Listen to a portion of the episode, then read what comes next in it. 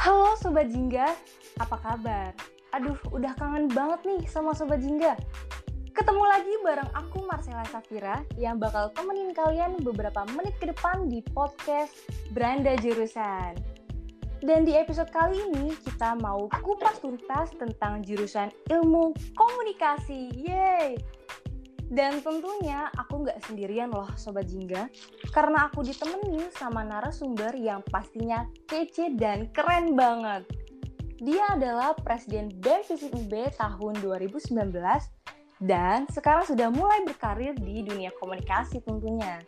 Langsung aja nih, nggak perlu lama-lama. Ini dia Kak Eldo Aditya.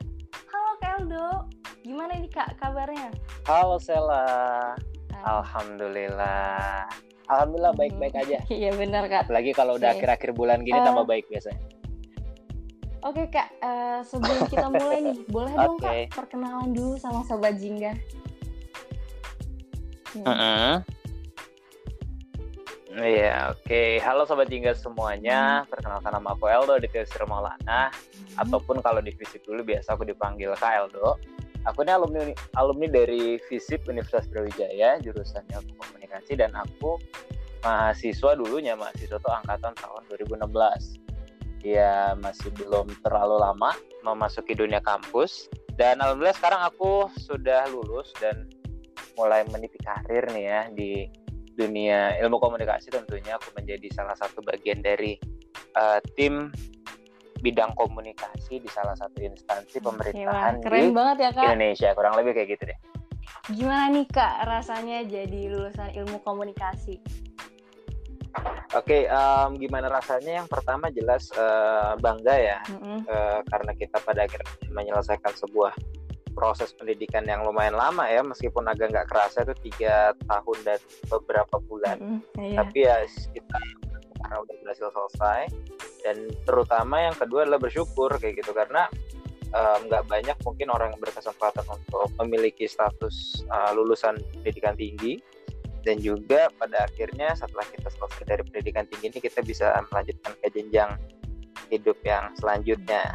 Kayak gitu. Bukan pernikahan loh ya tapi dunia kerja Iya Kak, oke. Keren banget nih Kak, berarti nggak nyesel dong ya Kak jadi lulusan komunikasi, bersyukur banget, Alhamdulillah. oh enggak dong. Tentunya apalagi kan komunikasi tuh kayak udah aku banget lah. Iya benar Kak, oke. Udah passion banget jadi no regret Mm-mm. Eh, boleh nih Kak sharing-sharing cerita Mm-hmm. sedikit gimana awal karir Kak Eldo dan pengalaman Kakak bisa sampai sekarang ini nih Kak, sekeren ini gitu Kak. Aduh, em, berarti dari lulus kuliah nih ya, Sal ya? Boleh Kak. Oke, eh, setelah lulus kuliah ya jelas kita eh, harus membuat CV yang baik kayak gitu ya. Jadi udah merupakan yang lazim em, setiap individu dari kita nantinya akan menyelesaikan pendidikan, tentunya kita harus eh, mulai sedikit demi sedikit melakukan yang namanya personal branding kayak gitu. Personal branding bukan pencitraan loh, ya, tapi bagaimana kita menunjukkan nilai diri kita ke halayak luas kayak gitu. Nah, jadi setelah lulus ya em, alhamdulillah segera mengumpulkan achievement-achievement yang aku punya seperti ya prestasi di bidang akademik maupun non akademik untuk pada akhirnya aku jadi aku jadikan satu dokumen yang itu nanti jadi sebuah kurikulum vitae. Mulai deh tuh CV itu dibawa ke mana-mana. Mulai deh tuh kita aktif-aktif eh, ngelihat lowongan pekerjaan di LinkedIn, di Kaliber ataupun di portal lowongan pekerjaan yang lainnya. Ya mulai hampir setiap hari bangun em, ketika dulu masih belum ada kesibukan ya kita langsung on laptopnya bukan ngerjain sesuatu tapi kita nyari kerjaan Iya. ya terus eh, selain kita mencari pekerjaan dari jalur profesional seperti itu Hmm. tentunya kita juga harus eh, mulai apa em, kegiatan silaturahim nah itu yang nggak boleh lepas karena kan mungkin teman-teman udah sangat familiar sekali dengan omongan yang mengatakan bahwa orang pinter tuh kalah sama orang dalam katanya begitu katanya kan Iya Kak, betul sih. Nah, aku percaya tapi aku nggak mau resiko untuk menganggur terlalu lama ya jadi aku juga mulai membangun em, komunikasi lagi dengan relasi banyak yang aku tinggalkan ketika aku di Malang dulu Mhm. juga dengan keluarga-keluarga macam. ya jadi ada budget untuk silaturahim lah ketimbang untuk main ngopi atau nongkrong biasa. Itu sih perbanyak mencari lowongan pekerjaan dan juga menjalin silaturahim dengan orang-orang. Ya kurang lebih kayak gitu. Sampai akhirnya aku bisa ada di sini sekarang. Oke deh kak. Keren banget nih kak pengalamannya. Jadi intinya memperbanyak lowongan pekerjaan dan prestasi-prestasi juga ya kak tentunya. Iya tentu. Itu kadang kan kita bisa jadi nggak sadar. Contoh yeah. um, kita menempuh kuliah selama 7 atau 8 semester Nah, ketika kita menempuh kuliah dalam waktu tersebut, hmm. maksimal 8 semester itu, dan kita mendapatkan IPK misalkan itu di atas 3,5, bagi orang-orang yang nggak tahu mungkin mereka nggak sadar kalau mereka itu dapat IPK cum laude, sehingga di, di CV-nya itu mereka nggak mencantumkan cum laude. Padahal kalau mereka tahu dan, dan bisa mengidentifikasi prestasi mereka di bidang akademik, contohnya kayak tadi, CV ada cum laude dan tidak ada cum laude, itu bargainnya lumayan loh jadi untuk kita bisa menggetar prestasi kita itu juga penting sih. Iya, betul banget setuju sih kak. Uh, oh iya kak, uh, kan banyak nih kak yang beranggapan juga kalau prospek kerja dari jurusan ilmu komunikasi tuh terbatas gitu. Mm -hmm. Nah, menurut kakak tuh gimana kak? Dan sebetulnya lulusan ilmu komunikasi tuh bisa jadi apa aja sih kak? Oh, sebenarnya kalau aku aku sepakat terbatas, mm -hmm. tapi terbatas itu bukan dalam konteks nggak um, banyak lowongan pekerjaannya. Mm -hmm. Justru menurut aku iya benar terbatas, tetapi um, yang menjadikan profesi mahasiswa komunikasi itu terbatas adalah karena orang-orang yang ingin melamar pekerjaan dalam bidang komunikasi itu yang diterima bukan melulu orang-orang dari komunikasi jadi ada orang hukum, ada orang ekonomi bahkan, ataupun juga ada orang dari. Ilmu saintek bahkan yang bisa masuk kayak gitu kan.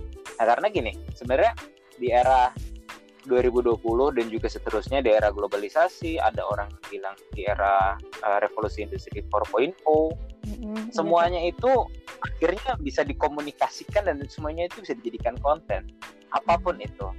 Silakan kamu kerja di media, oh iya, iya. dong media itu komunikasi reporter ataupun presenter berita itu udah ekonomi yang lazim eh udah komunikasi yang lazim. Tapi um, pernah nggak sih orang tuh dengar profesi itu namanya um, employee branding? Jadi kita kalau bicara branding kan biasanya iya, kita bicara soal branding produk ya. Iya. Oh aku punya produk A nih, oh aku akan branding positioningnya sebagai produk yang elegan, produk yang mahal dan lain sebagainya. Tapi ada nggak sih orang kepikir kalau ternyata karyawan dalam perusahaan itu bisa di branding? Kenapa misalkan salah stasi, salah satu stasiun televisi swasta, kok kayaknya kelihatannya keren banget pegawainya tuh, pakai yeah. kemeja biru dongker, celana cino cepat, pakai sepatu kulit yang agak boot kayak gitu, wah keren banget. Itu termasuk dalam rangkaian employer branding. Nah, yang kayak kayak gitu tuh kan ya kak sesuatu yang kadang-kadang rada unthinkable ya. Hmm. Nah, tapi uh, kita temui dalam dunia profesional. Intinya apa? Semua hal itu dalam komunikasi bisa kita komunikasikan, gitu. bisa kita jadikan konten, bisa kita jadikan media segala macam. Nah, tapi memang kalau kita ibaratnya ini punya ladang yang bagus buat punya ladang yang hijau banget ya kan akhirnya banyak orang yang mau dong iya kak benar nah pada akhirnya masuk di anu komunikasi juga tapi ya kayak tadi banyak orang hukum banyak orang yang bergerak di bidang non komunikasi atau bahkan non sosial itu juga bisa jadi um, pelakunya kayak gitu hmm. yang aku lihat sih kayak gitu temen aku banyak juga yang bukan dari komunikasi iya kak Berarti uh, walaupun terbatas gitu ya kak, masih banyak uh, peluang-peluangnya ya kak dari jurusan komunikasi itu sendiri, tergantung dari branding diri kita gitu ya kak. Nah, terus Kak Eldo, uh, banyak juga hmm. nih pandangan dari orang-orang yang bilang kalau jurusan komunikasi tuh cuma buat orang-orang yang jago public speaking gitu kak, hmm. kayak orang introvert gitu, nggak bisa masuk komunikasi gitu. nah, kalau menurut Kak Eldo sendiri itu gimana kak?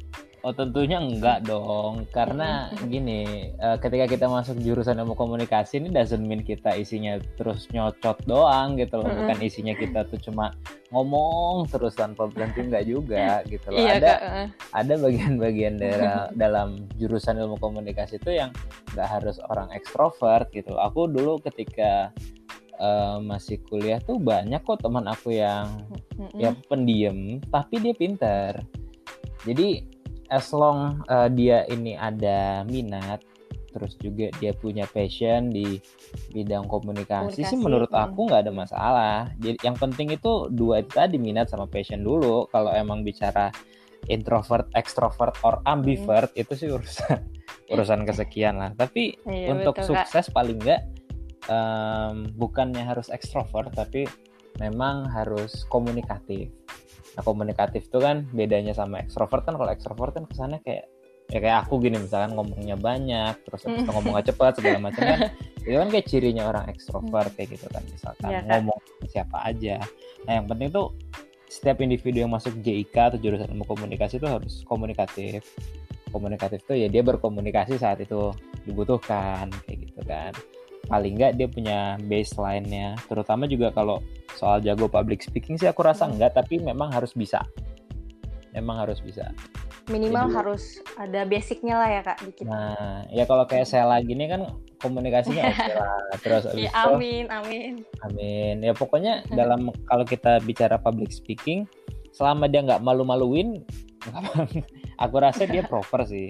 Ya kita tahu lah standar public speaking, maksudnya eh, poinnya harus jelas, how we delivernya itu juga harus eh, efektif, terus juga sikap atau attitude kita ketika kita melakukan public speaking juga harus proper, penggunaan Hmm. terutama nih terutama secara sadar menggunakan body language, menggunakan Iya, bahasa-bahasa non verbal. Kalau mungkin orang-orang awam mereka akan secara uh, intuitif melakukannya. Jadi mereka tuh tanpa sadar, tahu tangan mereka gerak, tahu-tahu misalkan uh, badan mereka membungkuk atau badan mereka tegak. Nah, kalau kita anak komunikasi, tentu kita harus menggunakan itu dengan penuh kesadaran dan ada maksud yang ingin dicapai. Kayak gitu. Jadi nggak semuanya tuh serba serba ngalor ngidul enggak. Ada maksud dan tujuannya itu. Setuju banget kak. Terus juga Mm-mm. Kenapa nggak harus jago public speaking gitu ya kak? Kalau menurut aku sendiri kan Hmm. justru eh, dengan kita belajar di jurusan komunikasi ini kan kita bisa belajar dan ngasah kemampuan kita That's juga it. gitu kak That's dalam it. berbicara gitu kan. Iya. kayak gimana belajar tata cara berkomunikasi, gimana Betul. menjadi seorang komunikator yang handal dan sebagainya Betul. gitu kan ya kak. Iya betul banget. Karena Hmm. kalau oh, semua orang udah pinter ngapain ada jurusannya Iya. kalau kayak gitu. Nah iya betul banget iya kak. betul banget. Eh, nah nih kak, Mm-mm. kan eh, kita lagi berada di situasi pandemi COVID-19 nih kak. Yes. Mm-mm. Mm-mm. Nah kalau menurut kak Eldo nih, Mm-mm. gimana sih penerapan jurusan ilmu komunikasi itu sendiri gitu, biar bisa Oke. tetap berkontribusi di situasi saat ini? Oh, Kak. jelas menurut aku semakin ada pandemi itu semakin krusial soal komunikasi itu. Iya benar banget kak. Satu hal aja dari praktik komunikasi yang salah yang dilakukan oleh pemerintah sebagai penanggung jawab untuk pengelolaan pandemi COVID. Runya muda bangsa. Misalkan besok tiba-tiba diumumkan, oh eh, kasus COVID di Indonesia sudah lebih dari 500 ribu, udah setengah Hmm. juta. Ya bener sih faktanya kan udah setengah juta, tapi kan iya, Kak. ketika so- eh, apa ya sebuah institusi atau lembaga negara mengumumkannya seperti itu, maka kan em, perspektif yang timbul di masyarakat kan, aduh gawat nih, antara pemerintahnya nggak bener nanganinnya, makanya makin Mm. banyak, atau emang pandeminya semenakutkan itu, sehingga angkanya bisa sampai setengah juta. Nah itu kan em, aktivitas komunikasi ya. Nah ketika Iya, kita bisa mengemas informasi yang tadi, misalkan, oke angka kasus positifnya di Indonesia sepanjang sejarahnya udah, udah setengah juta, udah 500 ribu. Tapi angka kesembuhannya atau mortality rate-nya itu ternyata 80 sekian persen loh, which is yang meninggal itu atau yang misalkan fatality rate-nya itu cuma sekian persen loh.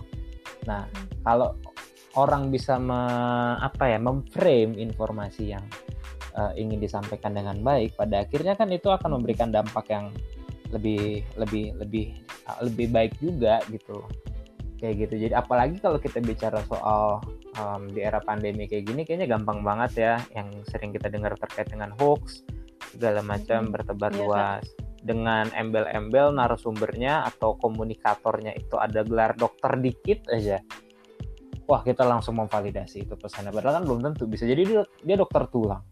Bisa jadi dia dokter Iya. jantung.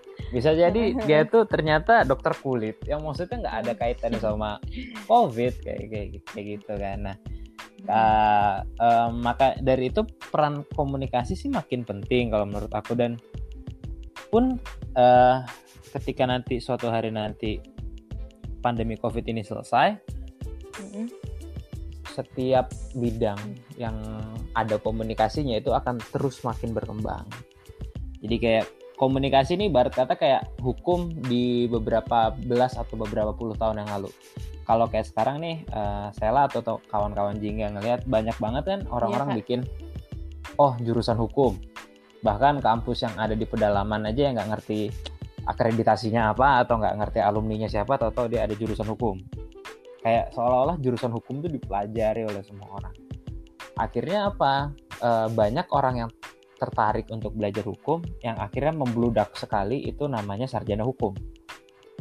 Nah akhirnya kalau kita bicara hukumnya jadi kalau kita bisa bicara logikanya aja ketika kuantitasnya tambah biasa kualitasnya tambah turun dong. Kan kita harus pilih iya, betul. Kalau iya, kuantitasnya oke okay, kualitasnya turun. Nah itulah yang nantinya akan terjadi juga di komunikasi kayak gitu. Karena kan sekarang hampir setiap universitas di Indonesia yang emang top lah kayak gitu baru di Indonesia doang apalagi di dunia itu pasti ada communication sign pasti biasanya Nah, maka dari itu itu merupakan salah satu bentuk respon ya terhadap tuntutan perkembangan zaman yang memang komunikasi ini akan semakin dibutuhkan. Baik Makin COVID berkembang. ataupun post COVID kayak gitu. Hmm, iya betul banget Kak. Idih, mantep.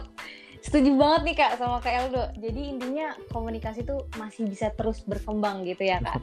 Kita masih baru mulai kayaknya kalau soal komunikasi ini. Oh, iya Kak, iya Kak.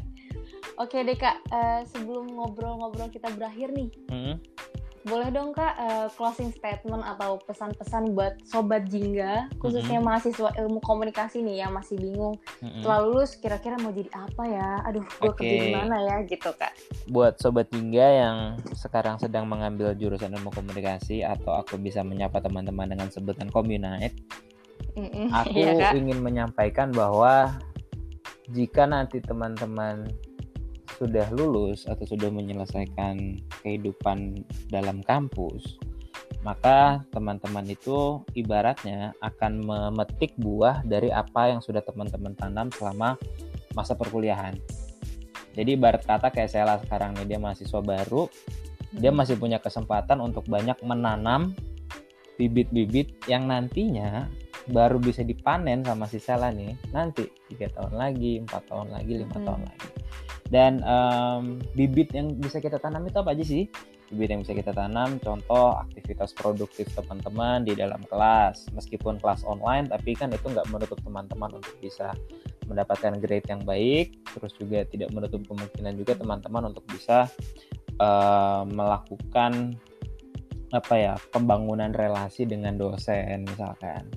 Um, selain itu juga kita bisa beraktivitas produktif di luar kelas misalkan kita bisa jadi ya kayak anak bem kita bisa jadi anak himpunan ya, atau kita bisa mengikuti komunitas segala macam yang sekiranya akan membangun CV kita nih kayak gitu karena kalau berangkat dari cerita aku aja deh misalkan teman-teman mau jadi mahasiswa yang uh, kupu-kupu aja kayak gitu kuliah pulang kuliah, pulang, pulang. sekarang kan iya. online tidur online tidur misalkan kayak gitu. Iya betul. Nggak bakalan jadi orang kayak gitu loh teman. Karena aku juga sadar nih aku maksudnya baru lulus di di bulan Juni. Ya kalau nggak salah aku lulus di bulan Juni.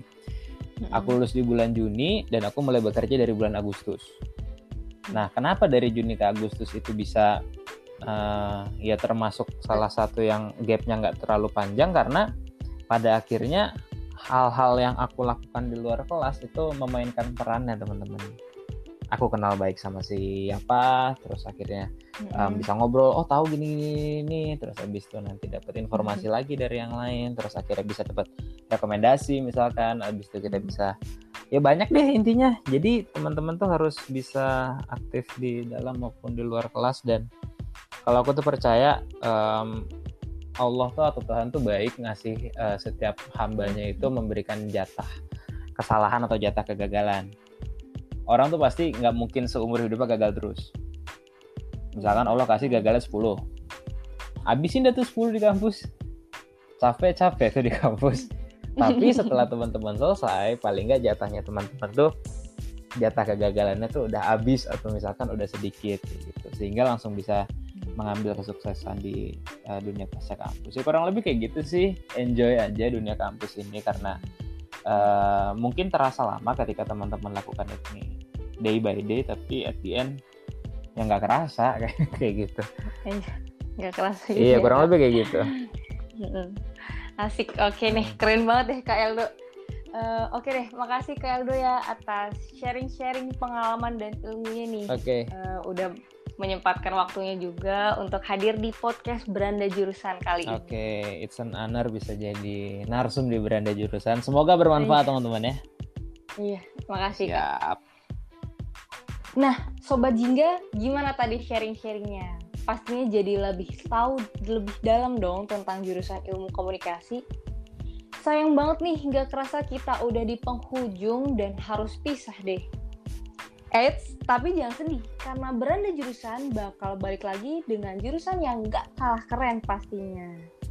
Oke, Sobat Jingga, semoga sharing-sharing kali ini bermanfaat ya. Aku Marcella Safira, pamit undur diri. See you guys, sampai jumpa di podcast selanjutnya. Dah.